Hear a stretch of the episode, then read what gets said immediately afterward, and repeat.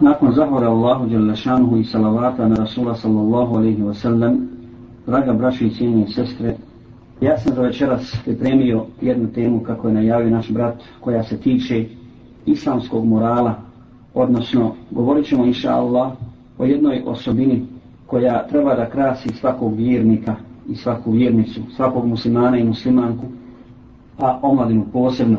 Naime, ta osobina jeste čednost. Ako dobro posmatramo našu stvarnost danas, vidjet ćemo da je jedna stvar najviše zarobila ljude, a posebno omladinu, i najviše utiče na njihov život, to jest odnos prema životu uopšte.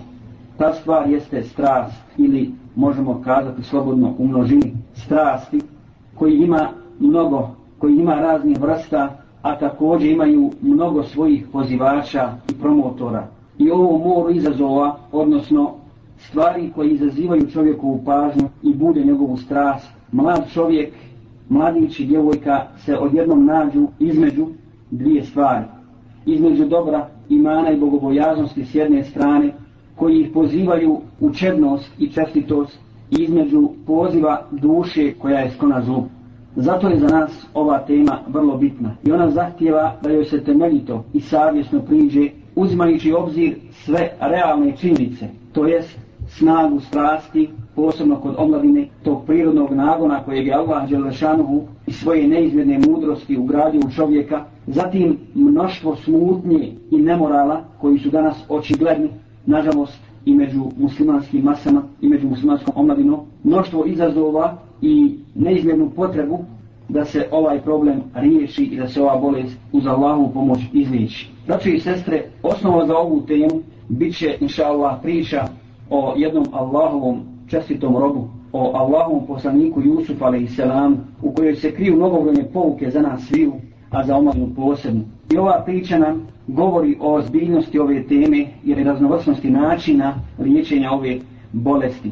Allah nam u ovoj priči govori o tome kako je Jusuf a.s. dočekao izazov zavođenja jedne žene koja je bila poznata i lijepa dakle ugledna i lijepa i kako je osaburao i kako ga je Allah spasio ovog izazova i ovog velikog grijeha.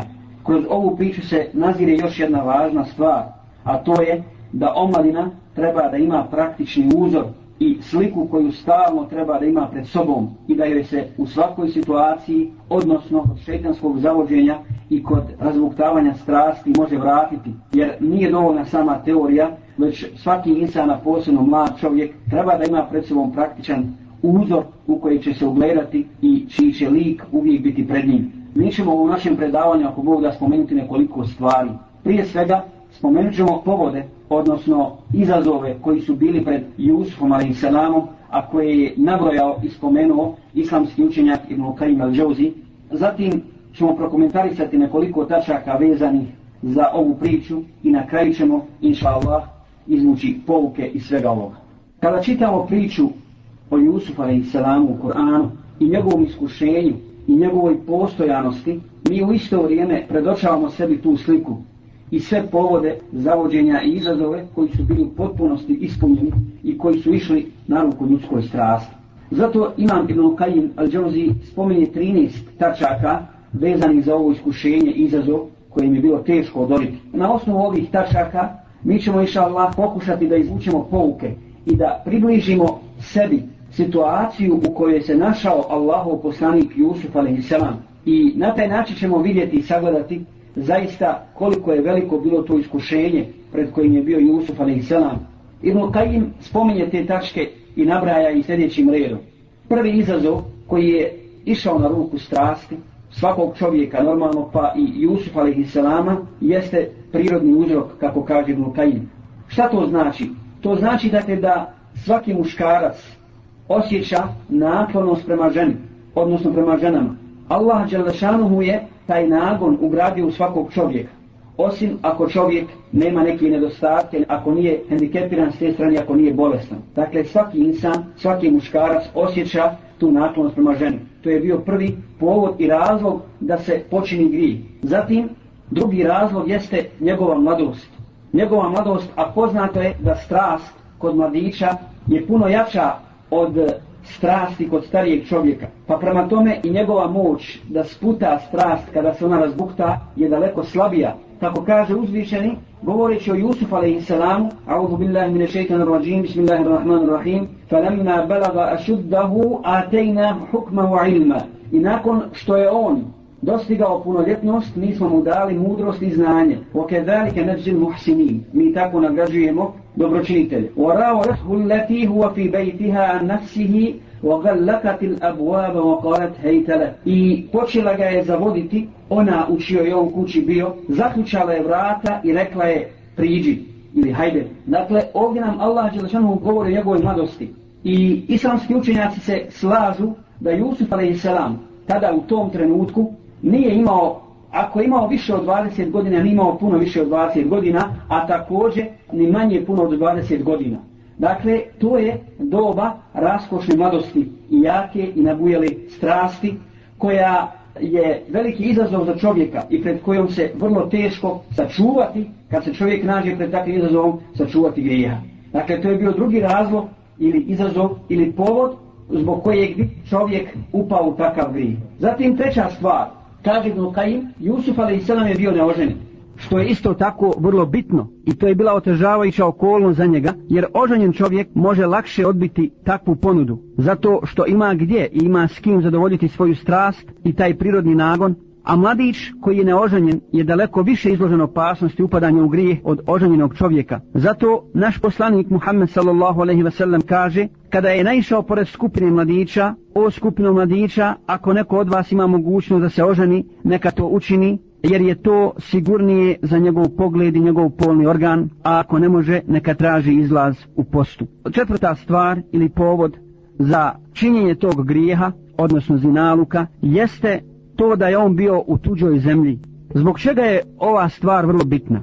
Zbog toga što čovjek koji mlad ode iz svog mjesta, boravka, odvoji se od svojih roditelja, od svog komšiluka, a lakše upada u grijeh i lakše se prepušta zovu strasti. One ga zovu da se oslobodi okova kojima je bio pritisnut u svom mjestu, dakle u svom komšiluku, u svojoj familiji, u svojoj ulici, u svom gradu ili selu i teže sigurno, a mi to svi znamo, teže se upušta u takav grih. Međutim, kad se insan oslobodi toga, kad ode u drugi grad ili u drugu državu gdje je on potpuno nepoznat, nema tih okova i tih stega i onda čovjek lakše u takvom stanju se usudi da učini takav grih na koji ga poziva njegova strast. Zatim, peta stvar jeste to da je ona bila ugledna i lijepa. Zato da je bila ugledna, jasna je stvar jer je bila žena jednog vladara ili kako bi u današnjoj terminologiji mogli kazati žena namjesnika, odnosno ministra financija. A za ljepotu je također poznato da vladari ne žene osim lijepe žene, makar oni bili i stari. Šesta osobina, odnosno šesti povod jeste da se ona sama nije branila niti ustezala. Ovo je bitno zbog toga što čovjeka često puta odbija i sprečava da učini grijeh, da učini zinalog, to što ga žena odbija, što ona neće. Zatim, sedma stvar, ona je sama tražila da Jusuf a.s. počini sa njom ovo ružno djelo, odnosno sa njom počini zinalog. I ne samo to, nego je uložila maksimum truda i želje i volje da to on sa njom učini i zbog toga je bila ponižena, a to također često biva razlog da se ne upadne u ovaj grijeh kod muškaraca jer je to poniženje zbog samog traženja. I ne samo to, nego je ova žena zaprijetila Jusuf a.s. kaznom ako to sa njom ne učini. Danas kada bi realno razmišljali o ovoj situaciji, ako bi se čovjek našao u takvoj situaciji, ako bi ga ispriječile ove ostale stvari, ova stvar bi možda bila povod da učini grijeh, to je sprijetnja kaznom jer čovjek bi razmišljao i kazao bolje da to učinim, možda je to lakše nego da budem nevin osuđen, odnosno kažnjen. Zatim, osma stvar, on je bio u njenoj kući i njenoj vlasti, kaže Ibn Kajim. Što je ovo bitno? Pogledajte koliko je Ibn Kajim nabrojao stvari koje su išle u prilog strasti, odnosno u prilog tome da se udovolji njenom traženju. Tako da se Jusuf a.s. opravdano bojao ako ne izvrši to što ona od njega traži da će biti kažnjen. Jer na kraju krajeva on je bio njen sluga i normalno je da je tada izvršavao poslušno sve ono što bi mu ona naredi. Međutim, ovaj put je on to, on to odbio. Zatim, deveta stvar. Jusuf a.s. se nije bojao sramote ako bi počinio taj grijeh. Zbog čega? Zato što je žena bila ta koja ga je navodila na grijeh i sigurno je da je on to ne do Allah učinio sa njom, ona to nikome, nikome ne bi otkrila. Zatim, deseta stvar, on je bio blizak njoj. Ovo je bitno zbog toga što čovjek kad se zbliži s jednom ženom, znači on kao njen sluga ju je viđao svaki dan i ulazio je njoj i u vremenu i u stanju u kojem je niko drugi osim muža nije mogao vidjeti u odjeći kada bi se raskomoti, kada bi budi sama u svojoj sobi, on bi joj ulazi i donosi ono što bi ona od njega tražila. To još više povećava bliskost i sigurno, ako je žena lijepa, raspiruje strast kod muškarca. 11. stvar ili 11. povod koji spominje Ibn Lokajim jeste taj da se ova žena, odnosno žena ovog namjesnika ili vladara, poslužila spletkom drugih žena, Allah Đalešanu u suri Jusuf govori i kaže A'udhu billahi mine shaitanir rajim, bismillahirrahmanirrahim Wa kala nisfetun fil medinati imraatul azizi turavidu fataha an nafsihi Kad šagafaha hubba inna lanaraha fi dalalim mubin I žene su u gradu govorile Zaista namjesnikova žena pokušava da zavede svoga slugu, odnosno svoga mladića Ona je se u njega žestoko zaljubila i mi vidimo da je ona u očitoj zabludi. Dakle, žene su čule za to njeno zavrođenje i onda su počele, onako kako je to njima svojstveno, počele da prepričavaju i da prenose to jedna drugoj kako se vladareva, odnosno namjesnikova žena, zaljubila u Jusuf a.s. Kad je ova to čula, onda im je napravila zamku kako bi ih ubijedila u ispravnost onoga što je ona tražila od Jusuf a.s. Naime, znamo da je ona njih pozvala i pripremila im je noževe i dala im korpe s jabukama i onda je kad su one bile u fazi guljenja jabuka naredila Jusufu da iziže pred njih kada je on izišao one su u tom trenutku zadinjene njegovom ljepotom počele umjesto jabuka da sjeku svoje prste Dakle, ona se ovdje poslužila tom spletkom kako bi opravdala svoj postupak. I mufesiri, odnosno mnogi islamski učenjaci na osnovu ovoga, kažu da su čak ženske spletke opasnije često puta od šeitanskih spletki. Jer ovdje Allah Đelešanom u Kur'anu kaže u suri Jusuf, inne kejde kun na'ovim. Dakle, kada je vladar došao i vidio, nakon što se istina otkrila da je njegova žena bila ta koja je zavodila Jusuf, ale i selama, rekao je, zaista su vaše ženske spletke velike. Na drugom mjestu Allah u Kur'anu kaže, za šeitanske spletke, inne kejde šeitani kane ba'ifa. Zaista su šeitanske spletke slabe. Dakle, naravno da se ovo ne odnosi na bogobojazne žene koje su daleko od ovakvih stvari i daleko od ovakvih poroka. Zatim, 12. stvar ili 12. povod jeste to što mu je ona obećala zatvor i poniženje. Pa kaže uzvišeni, la illam jef'al ma amuruhu la yusjanenna wa la yakunan min as-sagirin. Ako on ne učini ono što mu ja naređujem, ja ću ga zatvoriti ili ću ga poniziti. I ono što je ona rekla tada, ona je svakako to bila u mogućnosti. I na kraju krajeva to se i obistinilo i to se i ostvarilo.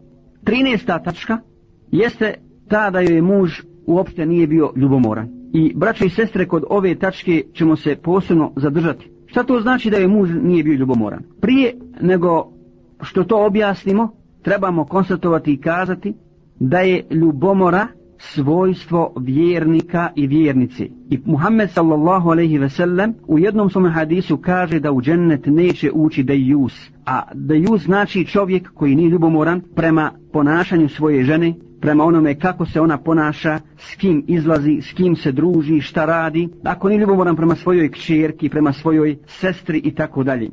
Zbog čega kažem da treba ovdje posebno da se zadržimo? Ne samo zbog ovog namjesnika i ovog vladara, nego i zbog današnje naše situacije. I e, ako pratite u avazu rubriku gdje se spomenju najpoznatije ličnosti i postavljaju im se raznorazna pitanja, jedno od pitanja redovno jeste i da li ste ljubomorni. Vidjet ćete da većina tih ljudi, bili oni doktori, ili profesori, ili sportisti, ili pjevači, da većina na ovo pitanje odgovara sa ne.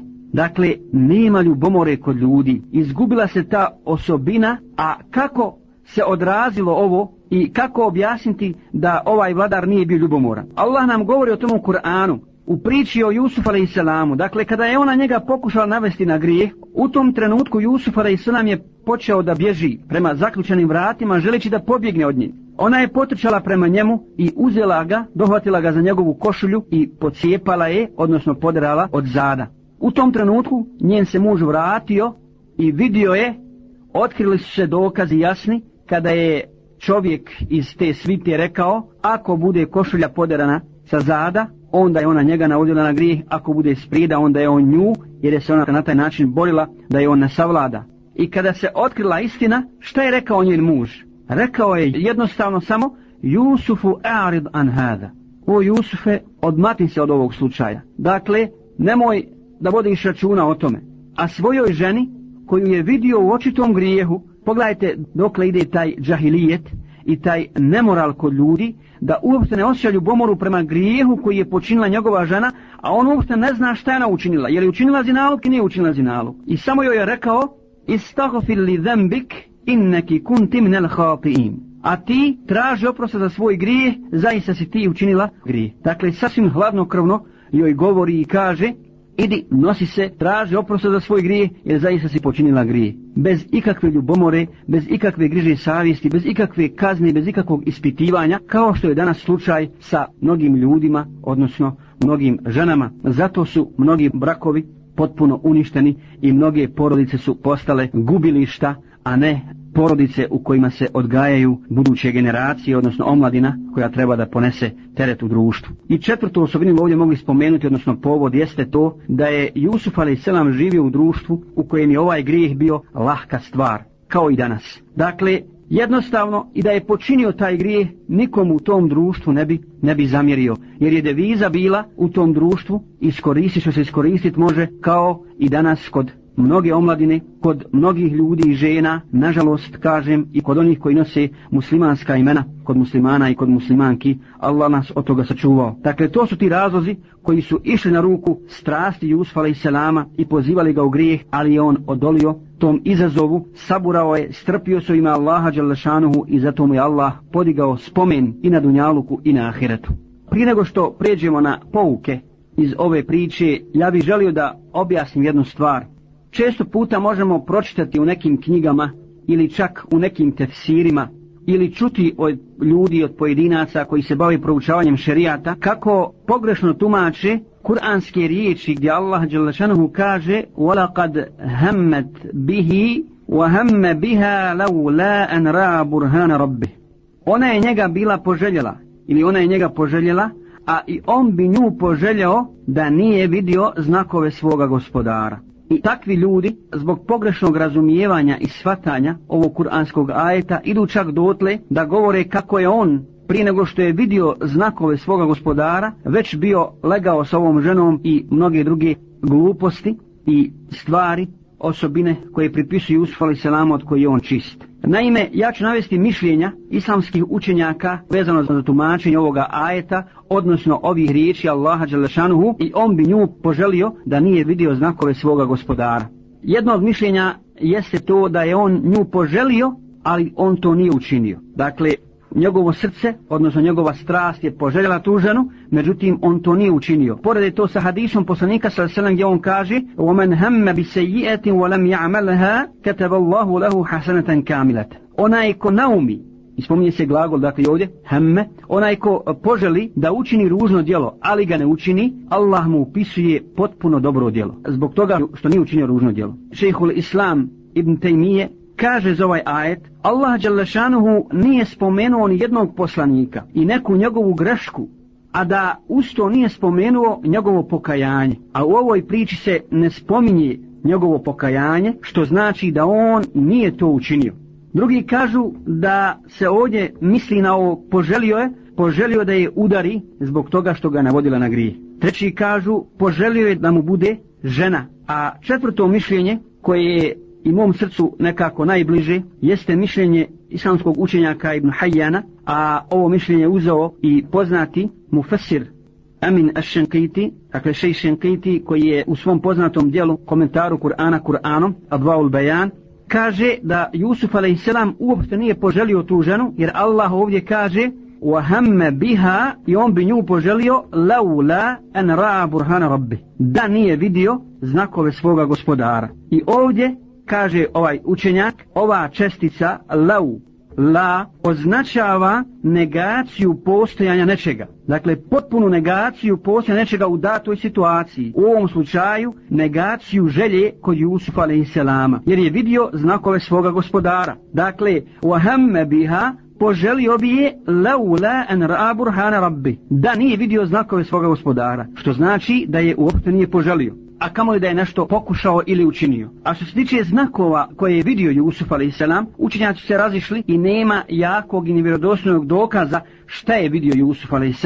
Prenosi se da je vidio svog oca Jakuba ali i selam kako grize prste da bi ga na taj način spriječio što ga je vidio u takvoj situaciji. Drugi kažu da je vidio e, Jakuba ali i selama kako mu prijeti prstom. Treći kažu da je vidio ajet na zidu. Vala takrabu zina ne približavajte se zinaluku i tako dalje. Dakle, ima mnogo mišljenja oko toga. To za nas nije bitno. Važno je dakle, da smo objasnili to da Jusuf a.s. uopšte nije poželio ovu ženu, on je od toga bio čist. Sljedeće znači što želim kazati, a iz čega mi svi treba da izvučimo pouku, jeste da je Allah Đalešanuhu očistio Jusuf a.s. i spasio ga ovoga grijeha i spomenju se svjedoci te njegove čestitosti, čistote i čednosti. Prije svega, Glavni svjedok i najvažniji jeste Allah Đelešanuhu koji ga je spasio i očistio. I Allah svjedoči u Kur'anu o tome kad kaže كَذَلِكَ لِنَصْرِفُ عَنْهُ سُوءَ وَالْفَحْشَاءَ إِنَّهُ مِنْ عِبَادِنَ الْمُخْلَسِينَ I tako smo uradili da bi od njega otklonili svako zlo, svaki grijeh i svaki razvrat zaista je on bio od naših iskrenih robova. Allah dakle za njega svjedoči da je on čist, čedan i nevin i da nije poželio tu ženu i da je on od iskrenih Allahovih robova. Zatim, svjedok koji se tu našao, a Allah ga spominje u suri Jusuf, kada je ugledao da mu je košulja pocijepana sa zada, šta kaže Allah, o šahide šahidu min ahliha, i posvjedočio je jedan svjedok iz njene porodice da je Jusuf čist, i da on nju nije navodio na grije. Zatim sam vladar kada je rekao Jusufu a'ridan hada, Jusufe ti ne vodi računa ovome, dakle zaboravi na ovaj slučaj. Zatim, četvrti svjedok jeste žena koja ga je navodila na grih. Ona je sama to potvrdila i Allah navodi njenu tvrdnju, odnosno njeno priznanje kada kaže وَلَقَدْ رَاوَتُهُ عَنْ نَفْسِهِ فَسْتَعْسَمْ Ja sam ga navodila na grije, ali se on suzdržao. Zatim žene koje su bile u gradu, kada su rekle حَاشَ لِلَّهِ مَا عَلِمْنَا عَلَيْهِ مِنْ سُوءٍ Allahu se utječemo, od toga mi zaista o njemu ne znamo ništa loše. Zatim Čak neki učenjaci kažu da je i šeitan posvjedočio njegovu čestitost i čednost. A kako? Naime, u kuranskom ajetu šeitan se zakni da će zavoditi ljude pa kaže فَبِعِزَّتِكَ لَاُغْوِيَنَّهُمْ أَجْمَعِينَ Tako mi tvoje veličine, obraća se Allahu Đalešanuhu šeitan i kaže Tako mi tvoje veličine, لَاُغْوِيَنَّهُمْ أَجْمَعِينَ Ja ću ih svi uzavesti إِلَّا عِبَادِكَ مِنْهُمُ الْمُخْلَسِينَ Osim tvojih iskrenih robova Dakle, šta kaže šeitan? zavešće sve ljude, sve Allahove robove, osim njegovih iskrenih robova. Illa ibadike minhumul muhlasin. A Allah za Jusufa kaže šta? Innehu min ibadin el muhlasin. On je bio jedan od naših iskrenih robova. Draga braćo i cijenje sestre, dakle, to su bile tačke koje smo želi spomenuti vezano za čednost, odnosno priču o Jusufu alaihissalamu i o tome kako je njega navodila na grijeh žena koja je bila ugledna i lijepa i kako se Jusuf a.s. suzdržao od tog grijeha i kako ga Allah spasio. I ovdje se sad postavlja pitanje pred svi u nas gdje je put uspjeha. Koji su to uslovi ili uzroci učini da Jusuf ne upadne u grijeh? Ja bih spomenuo samo neke koji trebaju i nama da budu pouka inša Allah i koji treba da se držimo i da imamo pri sebi kako bi se sačuvali od grijeha. Prvi uzrok jeste strah od Allaha Đelešanu. Dakle, strah samo od gospodara svjetova. I to je ono što čovjeka sprečava da ne učini grijeh. I tako mi Allaha, ako čovjek hoće učiniti grijeh, bilo kakav, a radilo se o zinaluku ili o pijenju alkohola ili o korištenju droge ili o krađi i tako dalje, a nema pri sebi bogobojaznosti, on će taj grijeh učiniti. I u istinu čovjeka, iako ga na trenutak spriječi neki drugi uzroci, kao što je ljudski faktor ili određena situacija, ako nema straha, u svom srcu od gospodara svjetova i ako se njega istinski ne boji i ako ne misli na ahiret i na susre sa Allahom, ništa ga drugo neće spriječiti da učini određeni grijeh. I ovo je pouka za svi u nas, za učitelje, za odgajatelje, za roditelje prije svega i sve ostale koji pokušavaju da nađu najbolji metod i najbolji način u odgoju mladih generacija. Dakle, bez imana, bez bogobojaznosti, bez jekina i čvrstog ubjeđenja u suse sa Allahom i straha od Allah nema e, drugog lijeka i drugog načina da se čovjek sačuva od, od grijeha, a posebno mlad insan, mladić i djevojka kod koji su strasti jake i koji vuku da učini određeni grije. Zato kaže poslanik sallallahu alaihi wasallam u poznatom hadisu govoreći o sedam osoba koje će biti u hladu arša Allahovog na sudnjem danu na danu kada ne bude drugog hlada osim Allahovog. A jedna od tih osoba jeste mladić koga pozove lijepa i ugledna žena. Poslanik sallallahu alejhi ve sellem spominje dakle ovdje ove dvije osobine. Iste osobine koje je posjedovala žena koja je navodila na grijeh Jusuf alejhi selam. Kada ga pozove lijepa i ugledna žena, taj mladić kaže: "Inni akhafullah." Ja se u istinu bojim Allaha dželle šanehu. I čovjek često puta bude izložen grijehu, ali se sjeti i poboji Allaha i ostavi taj grijeh. Naravno, čovjeka šeitan nikad ne ostavlja na dunjaluku. Nikad ga ne ostavlja njegova strast, navode ga na grijeh, navode ga da učini određene stvari. Međutim, onaj ko se boji Allaha, on se sačuvao i spasio i Allah Đelešanuhu će ga zbog toga nagraditi. Zato kaže uzvišeni, Audhu billahi mine šeitanir rađim, Innal ladina jahšavna rabbahum bil gajbi lahum magfiratum wa ajrun kabir oni koji se budu bojali Allaha, odnosno njihovog gospodara, iako ga ne vide, njima pripada oprost i nagrada velika. To je dakle prva stvar. Prva stvar i prvi uzrok do uspjeha, inša Allah, na oba dva svijeta. Zatim drugo, ono što treba da znamo jeste da uputa i pomoć dolaze od Allaha Đelešanu. Allah Đelešanu kaže za Jusufa i on bi nju poželio da nije vidio znake svoga gospodara. Dakle, što se čovjek više osloni na Allaha, nakon uzimanja uzroka koje je Allah stvorio i dao čovjeku, on je bliži Allahovoj zaštiti.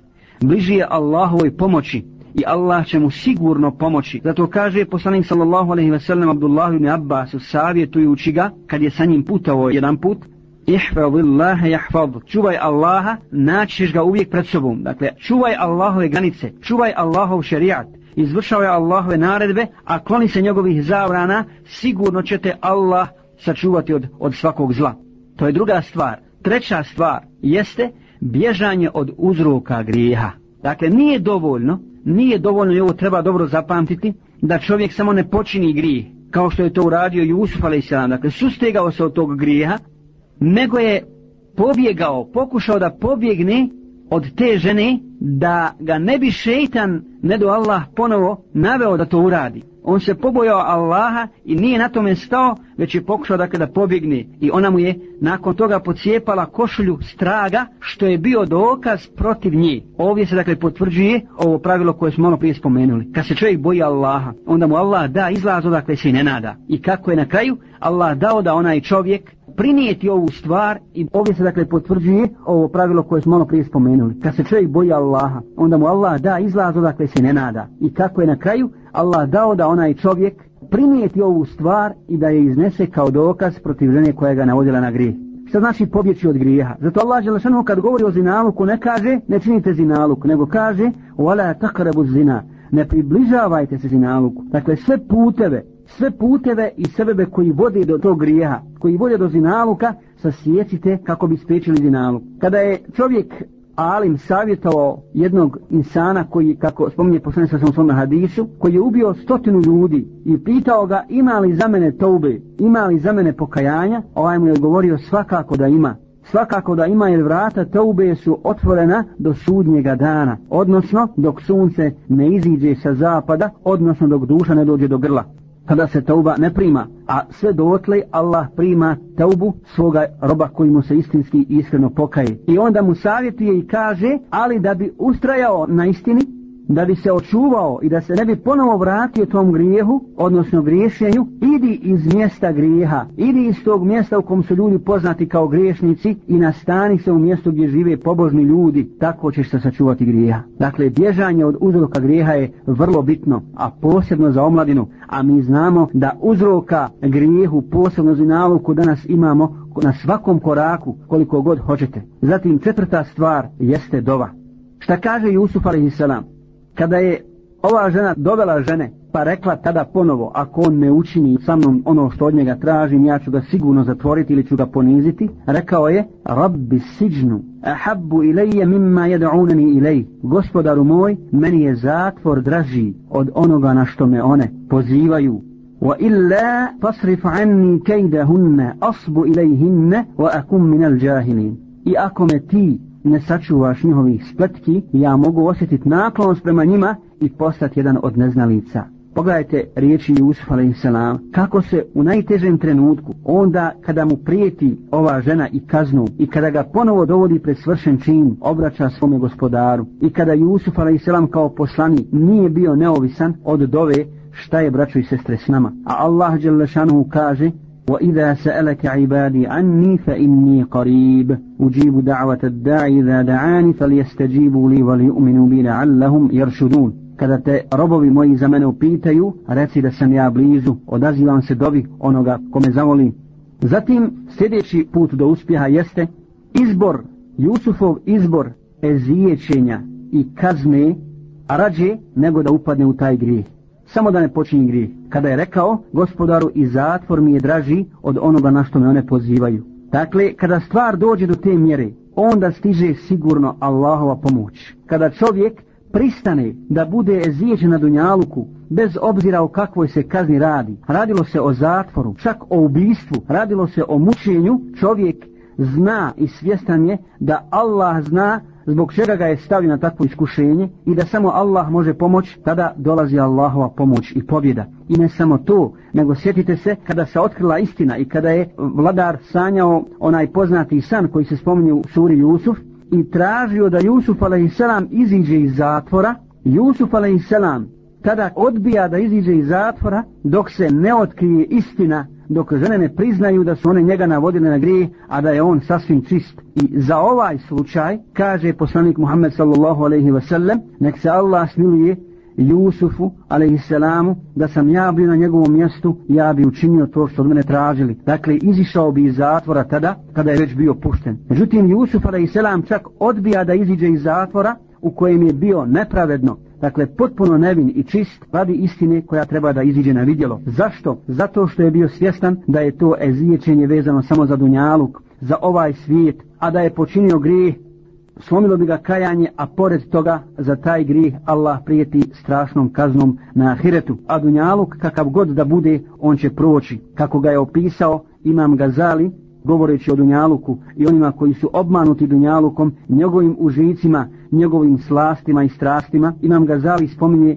Dunjaluk i ljude koji sebe smatraju pametnim, inteligentnim i mudrim i njihov slučaj i njihovu obmanu Dunjalukom, a ovu predaju e, bilježi Ibn Hajar Skalani u komentaru Buharine zbirke hadisa u desetom tomu i kaže primjer onih koji su obmanuti Dunjalukom je sličan primjeru ljudi koji se ukrcali u lađu i došli su na jedno ostrvo. Došli su do jednog ostrva koje je bilo prepuno zelenila, rijeka, svijeća, raznoraznih plodova i tako dalje. I onda im je kormilar broda, odnosno te lađe, rekao neka svako ide, neka iziđe, neka izvrši svoju potrebu i neka se što prije vrati. Ja ću u zakazani rok, u zakazano vrijeme krenuti bez obzira ko došao ili ne došao na lađu.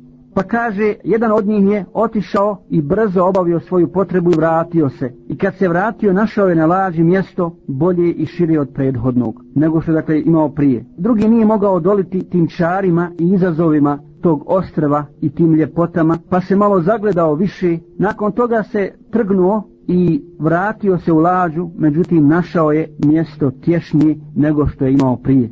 Treći opet nije mogao odoliti a da ne ponese sa sobom nešto od tih čari i ukrasa pa je ponio onoliko koliko je mogao ponijeti sa sobom. Međutim, kada je došao, lađa je već bila puna. Bilo je sasvim malo mjesta, ali nije mogao da odolje da ne ponese što je ubrao od tih plodova. I kada se ukrcao u lađu, nakon toga zaduvao je vjetar i onda bi sačuvao svoj goli život morao je sve to da baci. Sve što je sakupio je bacio je. A četvrti je kaže Imam Gazali zagazio još dublje u tu prašumu dunjalučku divešetim ukrasima i kada je čuo posljednju sirenu za polazak on je pokupio sve što je bio ubrao što je bio pripremio od tih plodova međutim kad je došao lađa je već bila se otisnula na spučinu a on je zajedno s tim što je ubrao umro na tom mjestu i kaže zar mogu biti pametni oni I zar su zaista pametni oni koji sakupljaju čitav život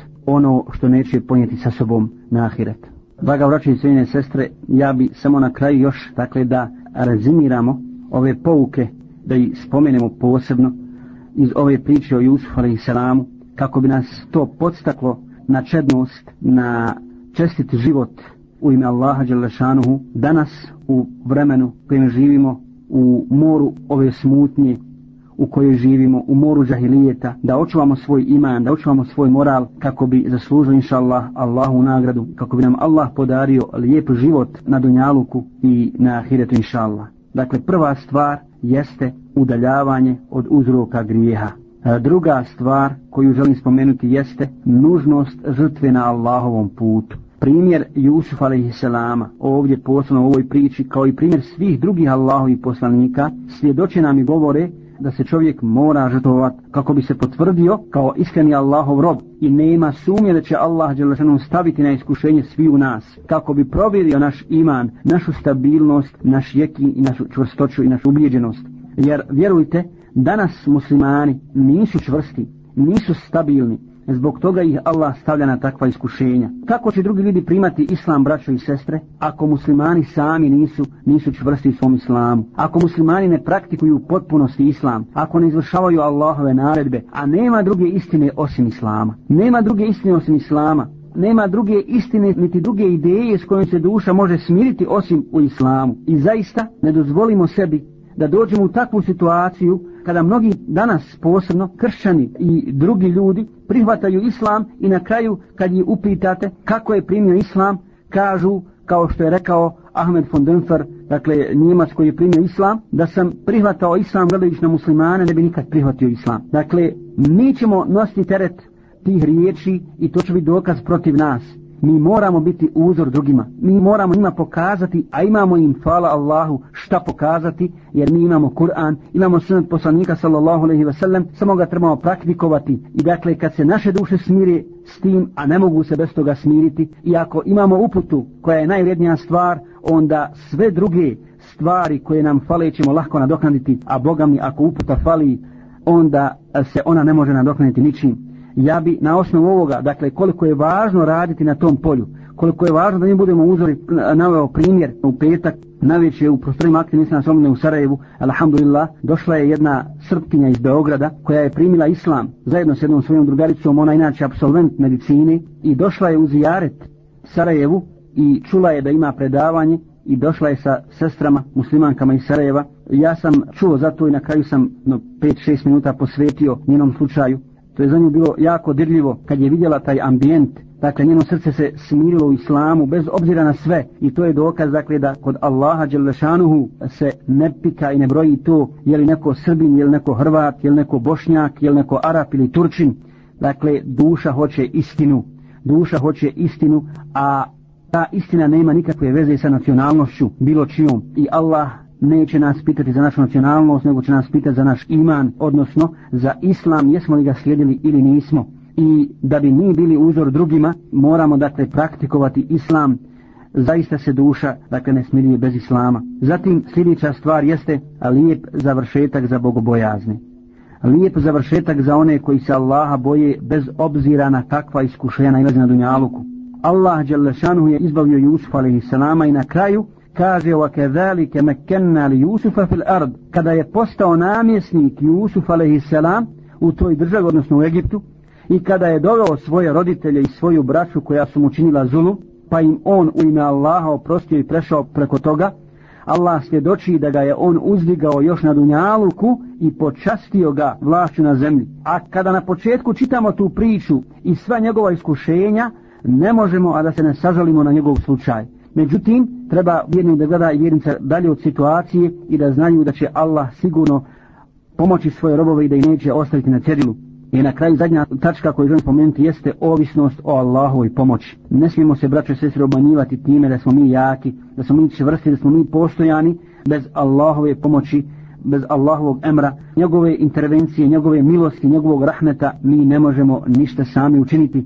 Zato se trebamo na Allaha osloniti i moliti ga da nas učvrsti na istini, da uputi nas, naše potomstvo, naše porodice, sve muslimane i muslimanke i da mi budemo inšallah sebeb i uzrok upute drugih ljudi zbog čega će nas Allah nagraditi na ahiretu a znajte da sve duše ljudske teže ka istini traže istinu a kako reko smo nije nema bez islama i mimo islama i molim Allaha da nam podari čednost da naš moral usavrši i kod naših mladića i kod naših djevojaka da naši mladići uzmu za uzora Jusuf a.s. Muhammeda sallallahu alaihi ve sellem njihove ashabe i one koji su sjedili Allahove poslanike a muslimanke da uzmu sebi za uzor Marijemu majku Isa a.s. čestitu ženu koju Allah spominje jedinu po imenu u Kur'anu i spominje njenu osobinu koja je vrijedna svakog spomena, a to je cijenjene sestre upravo čednost kada Allah Đelešanuhu kaže za nju ومريم ابنة عمران التي أحصنت فرجها في مريم كتير كايمرانوا